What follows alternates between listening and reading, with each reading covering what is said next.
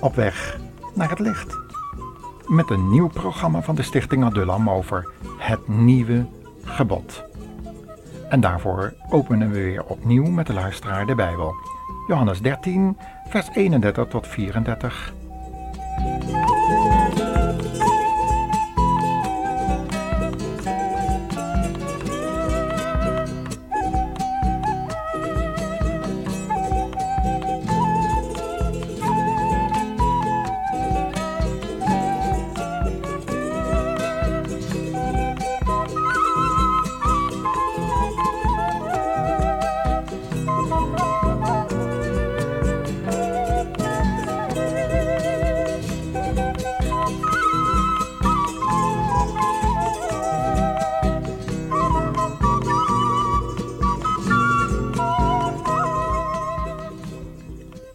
Luisteraar, heeft u dat nou ook?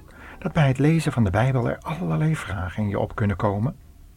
Zo gebeurde het eens dat er een vraag bij mijzelf opkwam toen ik Johannes 13, vers 34 zat te lezen. Zo van, eh, nou, eh, wat bedoelde Jezus nou eigenlijk met dat nieuwe gebod wat daar wordt beschreven? En om u met mijn vraag nu eens in dit programma bezig te houden, lees ik maar eens het hele tekstgedeelte voor. Johannes 13, vers 18 dus en verder. Daar beschrijft de Heer Jezus de liefde van twee discipelen en hij stelde die aan de kaak. Het gaat over Judas en de discipel Petrus, die vurige man die zo hoog van zichzelf dacht. Luister maar. Wat ik nu ga zeggen geldt niet voor iedereen hier. Ik weet wie ik uitgekozen heb. Het moet gaan zoals ik het geschreven heb. Hij die regelmatig met mij at, heeft zich tegen mij gekeerd. Dat vertel ik nu al alvast. Want als het gebeurt, zullen jullie geloven dat ik ben die ik ben. Luister goed naar wat ik zeg. Wie iemand ontvangt die door mij gestuurd is, ontvangt mijzelf. En wie mij ontvangt, ontvangt ook mijn Vader, die mij gestuurd heeft.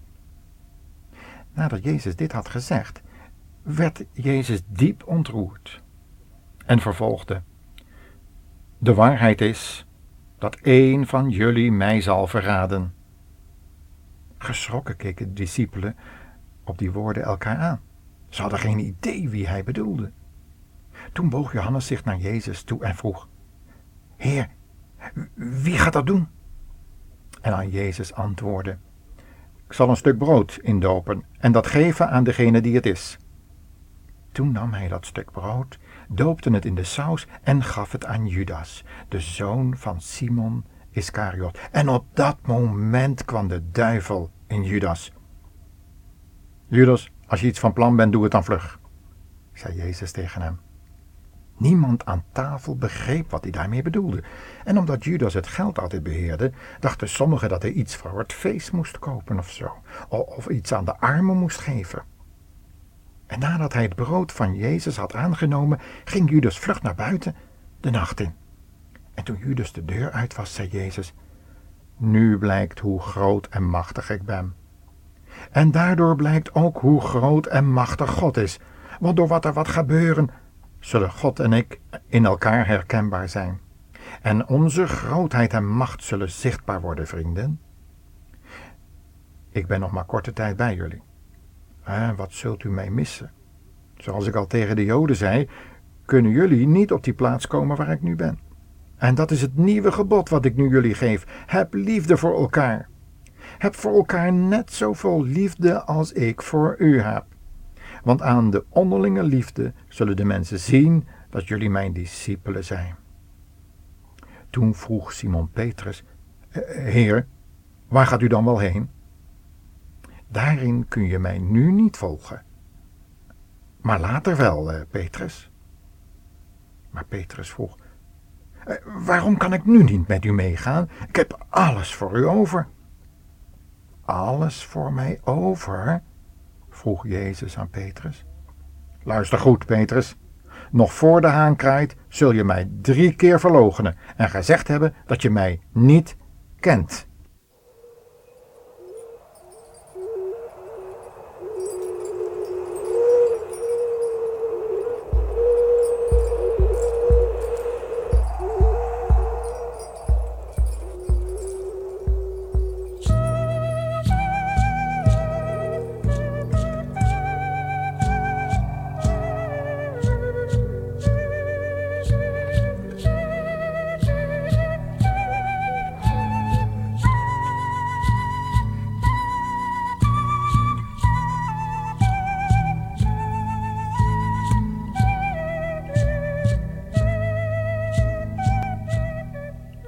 Twee discipelen.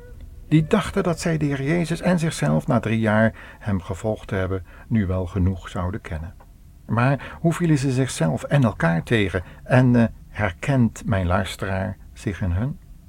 Hoe weinig werkelijke liefde openbaren ook wij in moeilijke uren van onze medechristenen? Zoeken wij graag zieken op? Nee, meestal gaan we het graf voorbij. Ach, het is dat het moet. Maar begrafenissen en ziekenhuizen bezoeken, dat is nou niet bepaald onze hobby, nietwaar? Hoe moeilijk was het voor de Heer Jezus in Gethsemane, maar ook hoe moeilijk was het voor de discipelen om daar met hem te waken.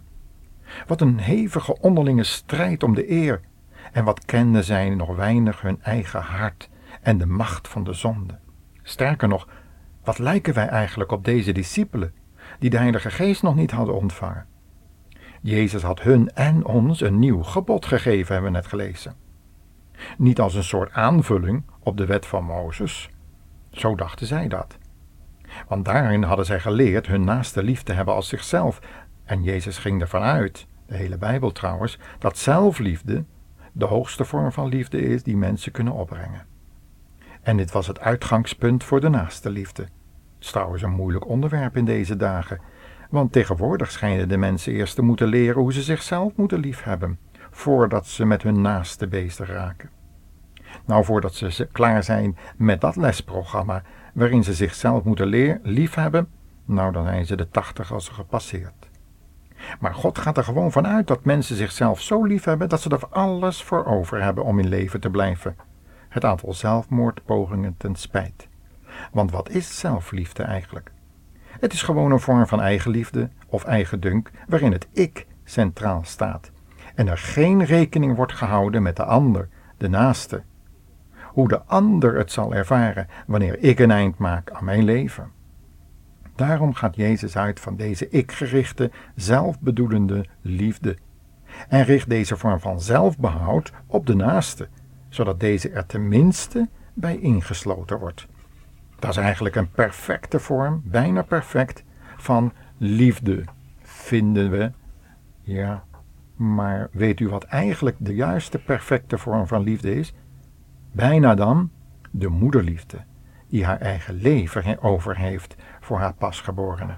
Zo is het in de natuur, zelfs bij de dieren. Maar wat zijn mensen daarvan afgeweken? Zelfs van deze natuurlijke vorm van zelfbehoud. En daar gaat de wet van Mozes nu juist uit, als het gaat om naaste liefde. Maar nu gaat Jezus een nieuw gebod geven. En om de luisteraar een indruk te geven hoe bijzonder dit nieuwe gebod eigenlijk was, laat ik een stukje uit een conferentie horen. Die onder andere over deze nieuwe vorm van liefde handelde. Luister maar hoe een gelovige professor dit onderwerp heeft verwerpt en hoe een gelovige zendingsarts de naar voren gebrachte gedachten aanvult en soms heel voorzichtig enigszins corrigeert. Ik wilde graag uw aandacht vestigen op het woordje nieuw in vers 5. Het kwam straks al even ter sprake, maar het is heel merkwaardig dat Johannes zowel in de eerste als in de tweede brief er de nadruk op vestigt dat hij geen nieuw gebod brengt. En hij bedoelt daarmee heel duidelijk dat het gebod dat hij doorgeeft door de Heer Jezus was gegeven. Maar eigenlijk is het even merkwaardig dat de Heer Jezus in Johannes 13, vers 34 zegt dat hij een nieuw gebod brengt. Want daar zou je kunnen denken, wat was daaraan dan zo nieuw? Zowel de nadruk van Johannes, die geen nieuw gebod zegt te brengen, als de nadruk van de Heer Jezus, die wel zegt een nieuw gebod te brengen, is beide heel opmerkelijk. En ik wil daar graag iets over zeggen, in de hoop dat het duidelijk overkomt, want daar zit ongelooflijk veel aan vast in verband met de hele christelijke waarheid en de christelijke positie. De Heer Jezus heeft meermalen de vraag beantwoord in zijn leven op aarde wat de hoofdsom was van de wet. We vinden dat in Matthäus 22, waar de Heer Jezus antwoordt, God lief te hebben boven alles, met geheel uw hart, uw ziel, uw kracht, uw verstand. En het tweede gebod daaraan gelijk, uw naaste lief te hebben als uzelf. Dat was een heel oud gebod. Het gebod kunt u namelijk vinden in Leviticus 19, vers 18. Gij zult niet wraakzuchtig en haatdragend zijn tegenover de kinderen van uw volk, maar uw naaste liefhebben als uzelf. Ik ben de Heer.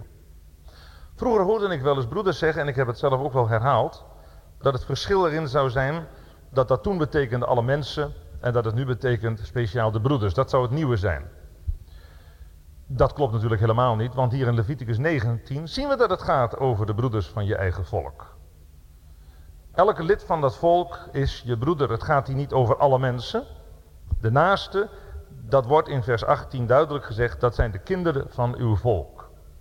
Dus de vraag wordt nog merkwaardiger. Waarom zegt de Heer Jezus aan de ene kant, als hij die aloude wet moet samenvatten, dat die samenvatting is, wat het tweede deel, de tweede tafel van de wet betreft, je moet je naaste lief hebben, dat is je broeder, je volksgenoot, de kinderen van je eigen volk.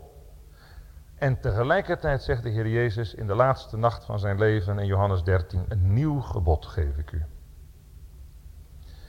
Ik denk dat het antwoord gelegen is in wat we één hoofdstuk eerder lezen in Leviticus 18. In vers 5. In Leviticus 18 vers 5. Gij zult mijn inzettingen en mijn verordeningen in acht nemen. De mens die ze doet, zal daardoor leven. Ik ben de Heere. Het is een woord dat door Paulus aangehaald wordt, zowel in Romeinen 10 als in Galaten 3.